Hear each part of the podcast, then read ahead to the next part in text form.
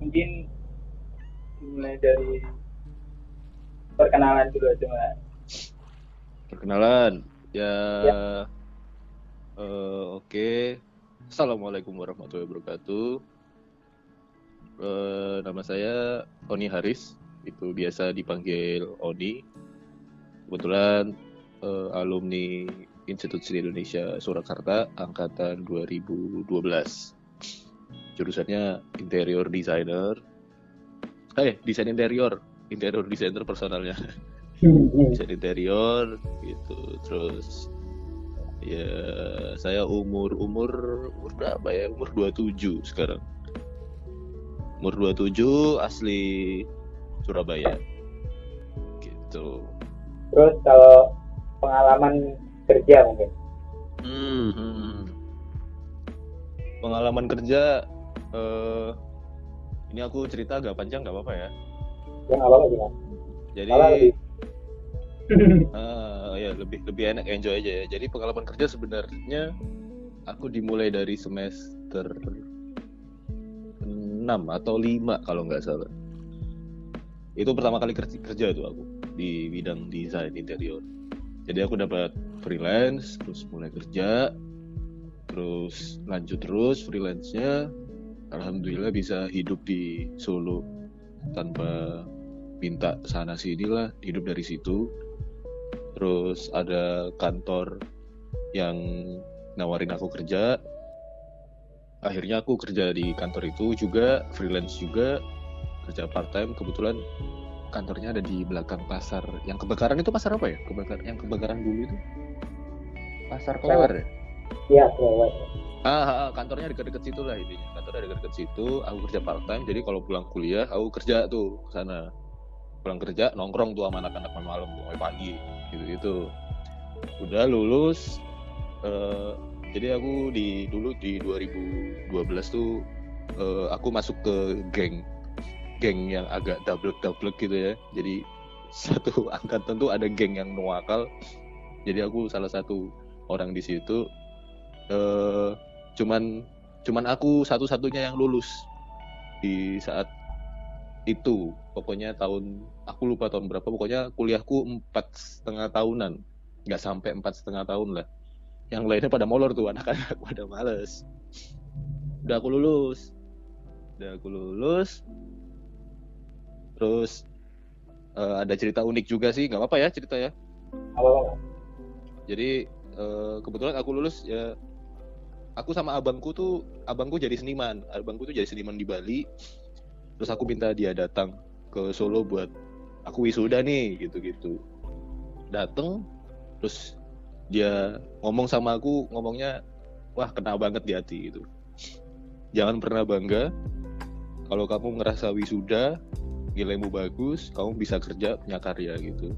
Nah selamat datang di dunia kerja selamat datang di dunia sesungguhnya mulai sekarang detik sekarang orang tua tidak akan memberikan kontribusi dalam hal apa pun. Wah, digituin men.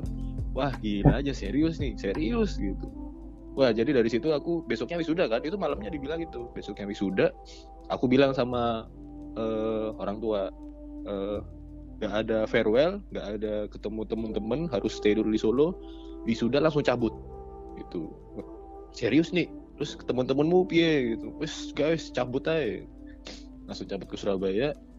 Terus bapakku bilang udah itu apa makan-makan dulu aja sama teman-teman ya udah habis wisuda langsung tet tuh aku ajak makan-makan anak-anak banyak banget tuh dari jurusan TV ada temenku kan alhamdulillah banyak Ya. banget ya dari WNS gitu tuh aku undang semua anak-anak makan pokoknya di belakang WNS tuh nah situ farewell terus kayaknya aku bilang sama anak kayaknya aku nggak bakal balik ke Solo lagi. Aku bakal meraih cita-cita ke mana pun sampai ke negeri Cina Amerika.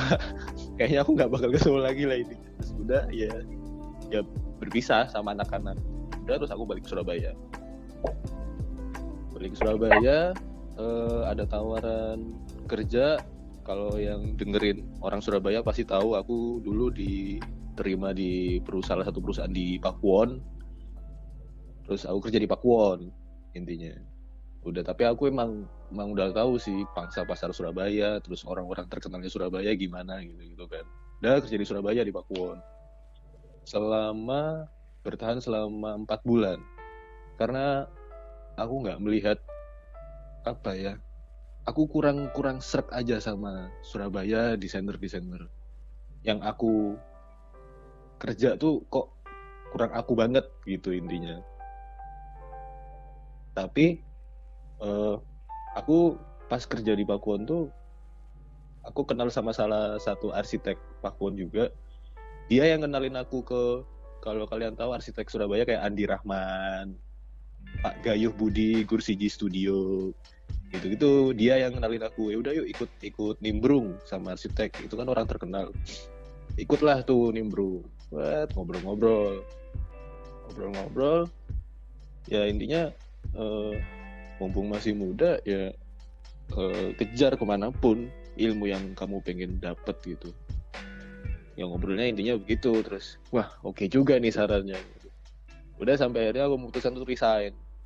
Nggak boleh tuh sama sama bos ya. Jangan nih stay dulu soalnya emang eh, aku lagi lagi butuh ini ini apa ada yang anak-anak baru-baru kamu ajarin dulu itu ya paling bertahan sebulan lah aku ngajarin anak-anak terus aku ca- cabut. Nah sebelum cabut itu aku udah ada mikir nih mau buka sendiri atau aku kerja sama orang. Nah kalian tuh punya eh, senior angkatan 2010 intinya. Udah gitu dia ngoleng aku. Tiba-tiba tuh dia ngoleng eh nih di mana? gitu. Di Surabaya mas. Kenapa? gitu ini perusahaanku ada lowongan nih kau mau nggak? Gitu. Di mana di Bali gitu. Wih di Bali. Boleh lihat ininya dulu nggak? Boleh lihat perusahaannya dulu nggak? Gimana? Ya udah silakan aja sok mah aku lihat perusahaannya perusahaannya oke. Perusahaannya perusahaan gede.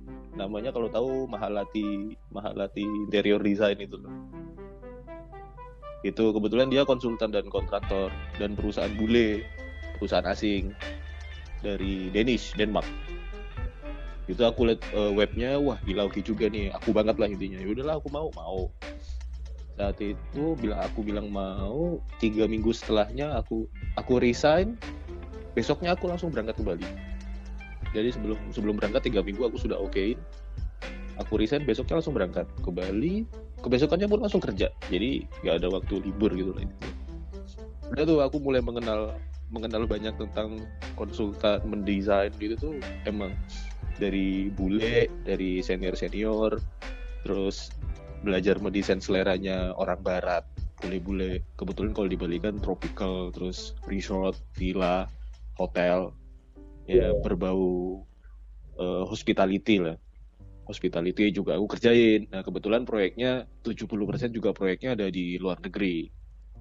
Itu kan. Nah aku di, ditaruh di konsultannya aku gak aku mendesain baca buku mendesain baca buku. Dari situ aku mulai tahu siapa desainer-desainer luar desainer-desainer Indonesia yang terkenal kayak Jaya Ibrahim. Aku waktu itu eh, kiblatnya ke Jaya Ibrahim kalau tahu desainer eh, almarhum Jaya Ibrahim Jakarta.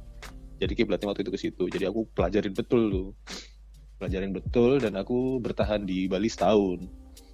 Nah dalam dalam setahun tuh berapa bulan ya? Empat bulan kemudian. Karena aku aku nggak aku nggak suka orang mengenal aku physically only eh, seperti ini gitu. Aku nggak mau. Jadi aku mau mengenal orang eh, Oni adalah interior designer. Oni itu bukan temen yang asik. Oni itu bukan temen yang bisa diajak curhat ngobrol dan lain-lain. Dan dan gaul lah dan lain aku nggak mau dikenal seperti itu ya. Aku maunya Oni dikenal sebagai as interior designer ya dengan cara apa? Dengan cara personal branding eh, semua media sosial nggak ada fotoku gitu. Semua media sosial itu Oni Haris interior semua gitu itu jadi orang taunya Oni ya interior gitu. Sampai bulan kelima itu ada salah satu perusahaan Jakarta yang nelpon. Nggak kenal tuh aku. Nggak kenal nelpon "Eh, ini benar Oni Haris gak itu. Iya siapa nih? Gitu aku aku kira anak-anak kan biasanya anak-anak pada iseng memang gitu. Iya. Weh, siapa, siapa nih? Oh ini bro, saya dari perusahaan, saya foundernya, saya CEO-nya perusahaan, salah satu perusahaan di Jakarta. Oh gitu, kenapa gitu? Eh, kebetulan kita lagi cari freelancer yang yang sekiranya bisa ngerjain proyek-proyek kita, kita udah kewalahan gitu. oh gitu emang eh, bergerak di konsultan juga rencananya akan begitu tapi kita masih di bidang kontraktor sama retail furniture jual furniture. Oh gitu aku pasti tanya ada webnya nggak? Ada aku cek dulu webnya gitu. Ternyata pas aku buka webnya eh, desainnya klasik. Klasik Europe klasik French klasik Victorian klasik modern. Wah klasik pokoknya. Ya, ya. Anjrit klasik gila gitu kan. Sementara aku aku melihat pada pada zaman itu ya pada zaman itu tuh seangkatanku itu bener-bener yang ada sih yang kerjain klasik cuman nggak mateng gitu loh. Klasik tuh aku tahu banget kalau klasik itu harus harus baca bukunya harus tahu ilmunya harus tahu asal mulanya dari tahun berapa sejarahnya seperti apa. Klasik kan ya gila kan ukiran-ukiran dan lain-lain. Nah, itu komposisinya harus tepat.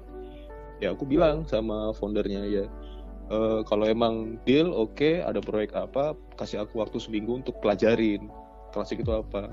Ya udah kita tunggu deh itu udah tuh aku mulai browsing-browsing baca buku. Klasik itu sebenarnya seperti apa sih? Udah seminggu aku mulai kayak oke lah sementara ini aja klasik udah. Mulai project freelance tuh. Project freelance di bulan kelima. Eh pertama project yang aku pegang dari Jakarta tuh KC KC itu perusahaan Bursa Efek Indonesia kalau tahu yang pernah ambruk itu loh. Tahu nggak Bursa tahu. Efek Indonesia BE eh Bursa Efek Jakarta apa? BEJ BEJ Heeh, itu salah satu konsultan apa ya keuangan kalau nggak salah. Itu kantornya di situ. Terus aku dapat proyek itu. Ya udahlah sini mana? Aku kerjain tuh proyeknya. Goal. Oke terus lanjut nih ada proyek lagi nih. Oke mana? Residential. Oke rumah aku pelajarin aku kerjain. Rumahnya lumayan gede klasiknya gimana? Aku tatain tuh dari profil adalah semuanya aku kirim goal. Kirim ada proyek baru lagi goal. Terus repeated seperti itu. Sampai pokoknya aku freelance sama di perusahaan sekitar 5 sampai 6 bulanan lah intinya. Itu freelance.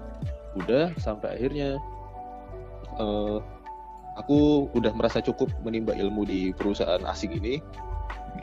Aku bilang sama bosnya kayaknya eh, kayaknya aku udah aku bilang sama seniorku dulu sih kayaknya aku harus mau resign deh gitu. Emang kenapa? Kayaknya ada cita-cita lain yang harus aku eh, impikan gitu. Ya di mana kalau misalnya aku menemunya, menemukan satu titik kenyamanan aku pasti harus cabut gak bisa. Karena ya jujur aja ya maksudnya kerja sama bule enak banget bro. Asli. Aku kerja pakai celana pendek sandal jepit. Bener deh kaos. Gitu-gitu. Yang penting kerjaan beres terus Ya. eh, di Bali lagi pulang kerja ke pantai yo kan?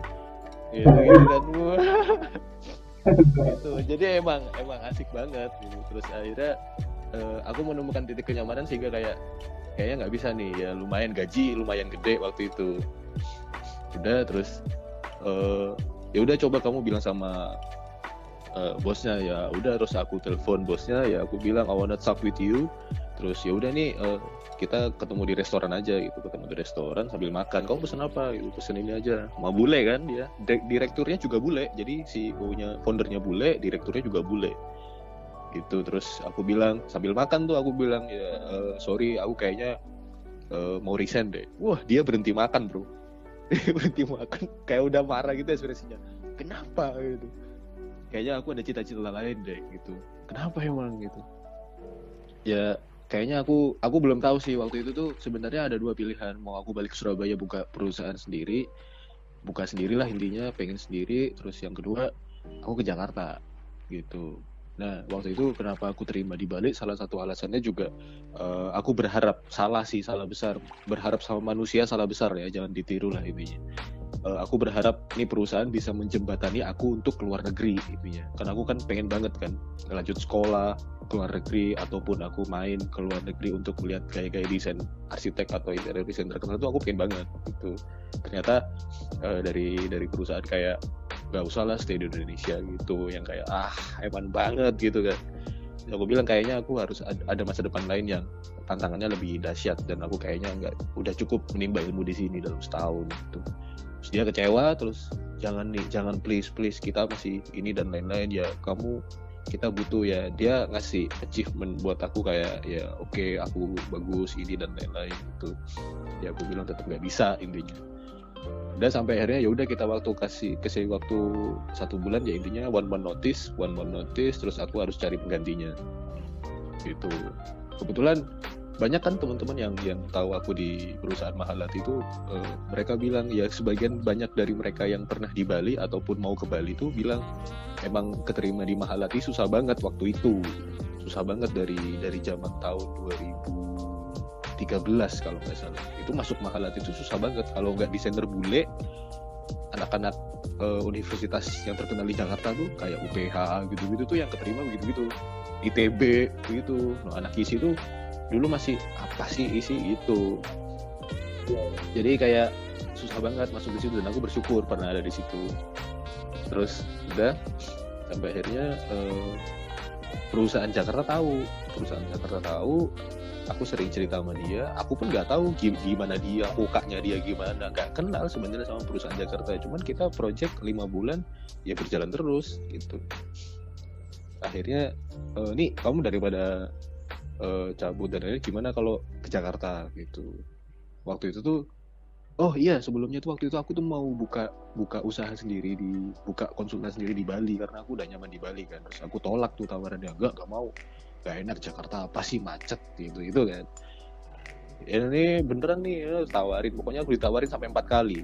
Mau nggak mau nggak mau nggak gitu. Akhirnya setelah aku ragu tawaran kelima ini tawaran terakhir mau nggak ke Jakarta terus aku ragu jawabnya "Eh, eh, eh," mikir gitu. Terus dia bilang dia bilang tegas gini deh kamu aku beliin tiket pesawat aku sewain hotel selama sehari kamu ke sini gitu. Ya udah oke deal. Aku berangkat tuh dibeliin tiket ke Jakarta biar ketemu sama dia ngobrol berangkatnya ke Jakarta disewain hotel di Amarosa Wih, hotelnya bagus kan kaget. Anjir hotelnya bagus sorry nih. Nggak nggak enak banget aku disampai disewain gini gitu gitu kan. Terus akhirnya ketemu tuh sama bosnya. Ketemu ya intinya dia cerita intinya ini perusahaan eh, berjalan di kontraktor sama di bidang furniture. Kita mau ngerambah ke konsultan tapi kita butuh orang mau mau nggak intinya bantu kita buat mendirikan perusahaan konsultan gitu. Terus aku pikir-pikir lagi eh, kayaknya tantangannya baru nih gitu. Emang ada berapa orang? Di kontraktor udah ada eh, di di kontraktor tuh ada finance admin gitu gitulah terus di retail furniture juga ada. Konsultan belum. Konsultan tuh cuman ada bosnya eh, rekan bosnya cewek sama kalau aku masuk sama aku bertiga doang. Ya udah deh deal. Oke kapan? Dua bulan lagi deh aku siapin kantor. Nggak mau minggu depan. Aku tantang gitu tantang balik. Anjrit lu nih. Eh gila aja kamu nawarin minggu depan. Ya udah kalau kamu nggak mau ya udah aku balik ke Bali nih.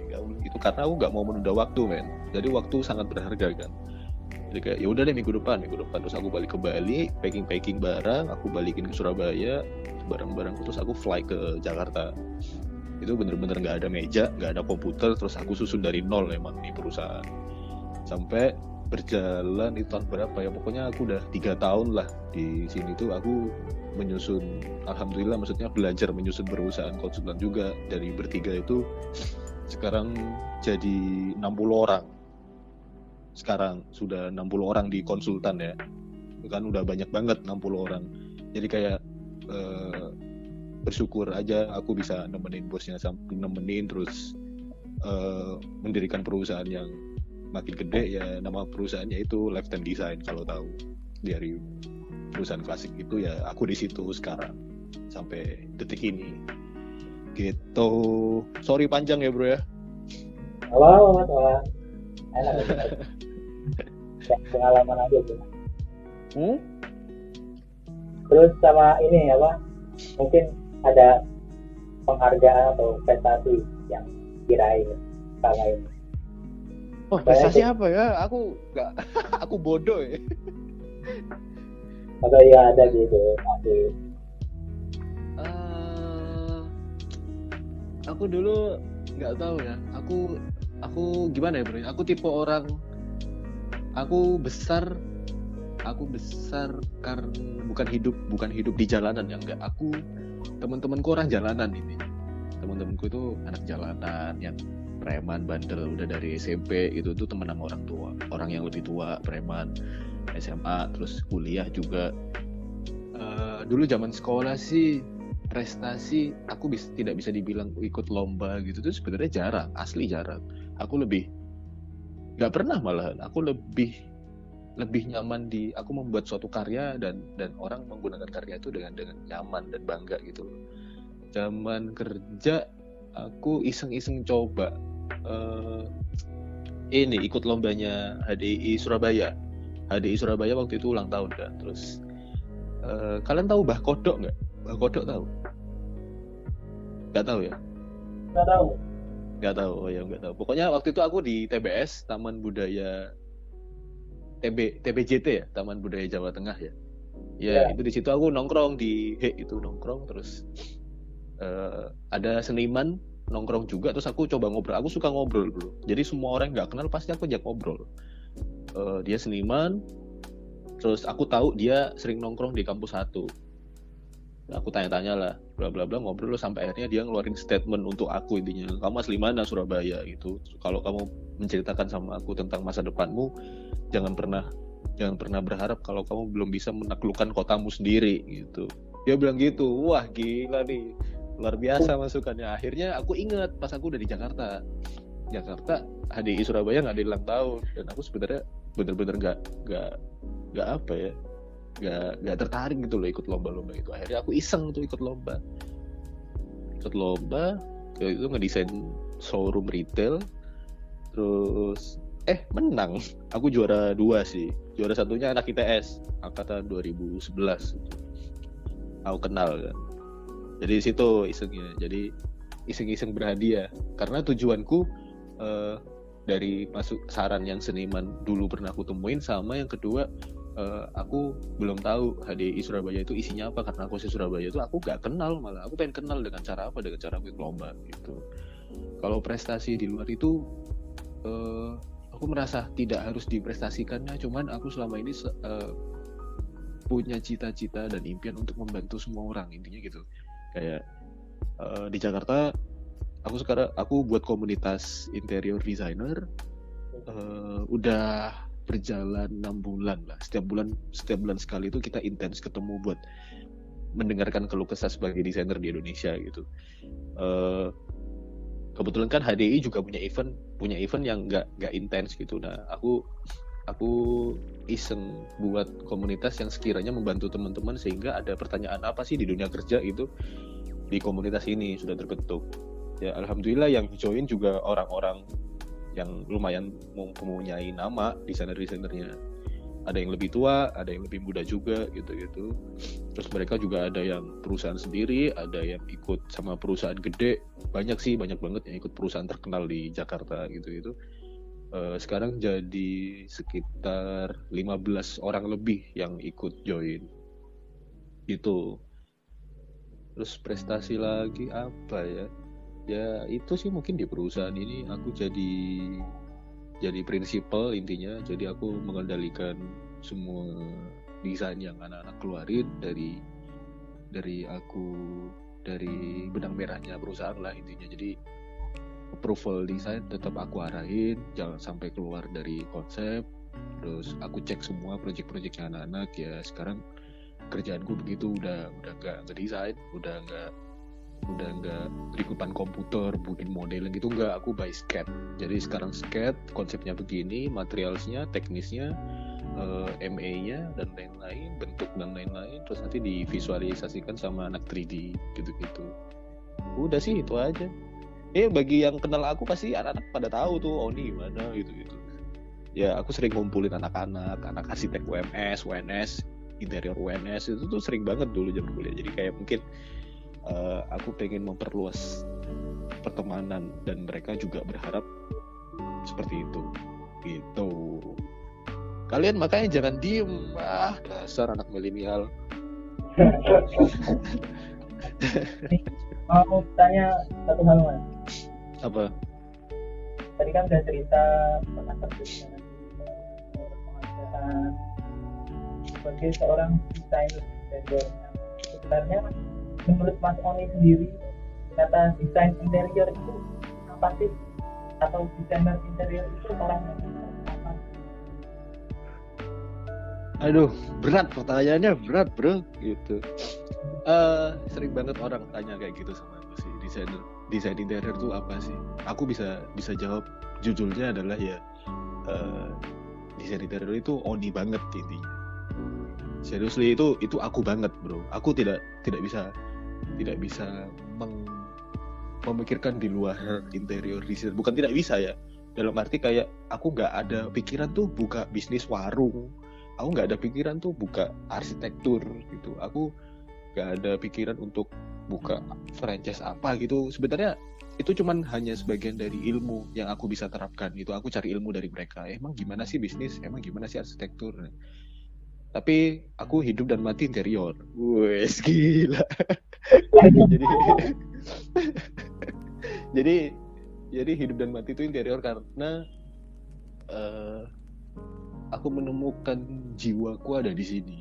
Aku menemukan passionku sangat-sangat passion tuh di sini kalau orang bilang kerja itu interior hobinya apa nih? Ya hobinya mendesain interior juga. Gitu-gitu ya kadang banyak yang sebel. Kalau misalnya aku tuh kerja mulu kerja enggak ini having fun sebenarnya.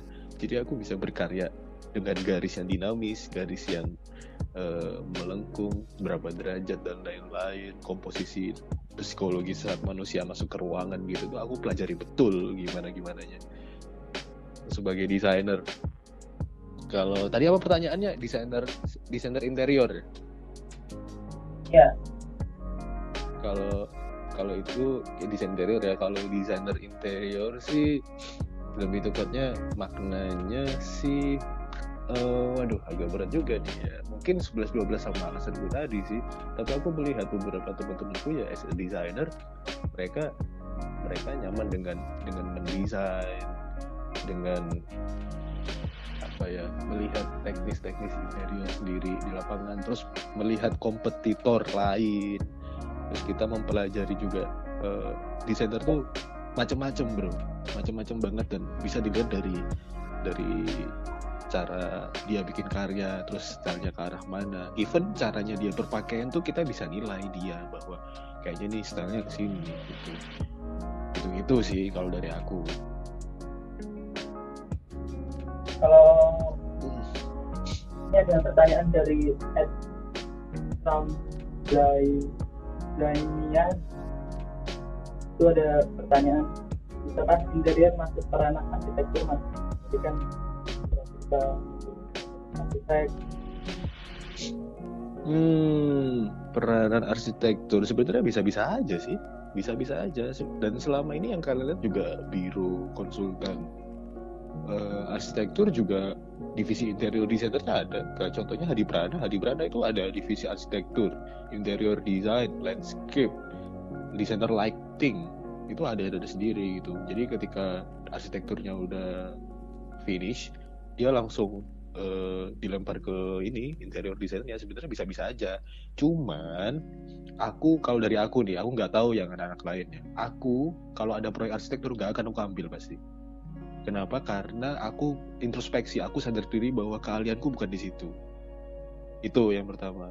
Meskipun aku suka banget sama arsitektur uh, bentuk-bentuknya gimana keunikannya caranya pola mindsetnya dia tentang memandang arsitektur. Itu tuh aku suka banget sering aku selalu hampir hadir ketika ada seminar-seminar seperti itu aku datang terus dan itu aku suka banget tapi bukan berarti aku bisa terjun ke arsitektur enggak. Aku mempelajari pola pikirnya sehingga aku bisa terapin ke interior. Bisa aja ke arsitektur cuman tidak untuk menyentuh arsitektur terus kamu mendesain rumah orang itu enggak. Kalau aku sih enggak ya. Kalau aku sih ya hidup hidup dan mati interior men. Aku gitu. Bukan bukan sok sok idealis gitu enggak karena interior itu kalau kamu mau pelajarin itu nggak ada habisnya. Ngapain kamu mempelajari arsitektur? Kalau aku ya aku ngobrol sama diriku sendiri tuh interior itu gila banyak banget bro. Itu tuh yang harus kita aku pelajarin aja. Belum fase aja ngapain aku sebuah arsitektur gitu. Aku membiarkan orang pada ahlinya sehingga aku tahu dan aku dapat ilmunya dari situ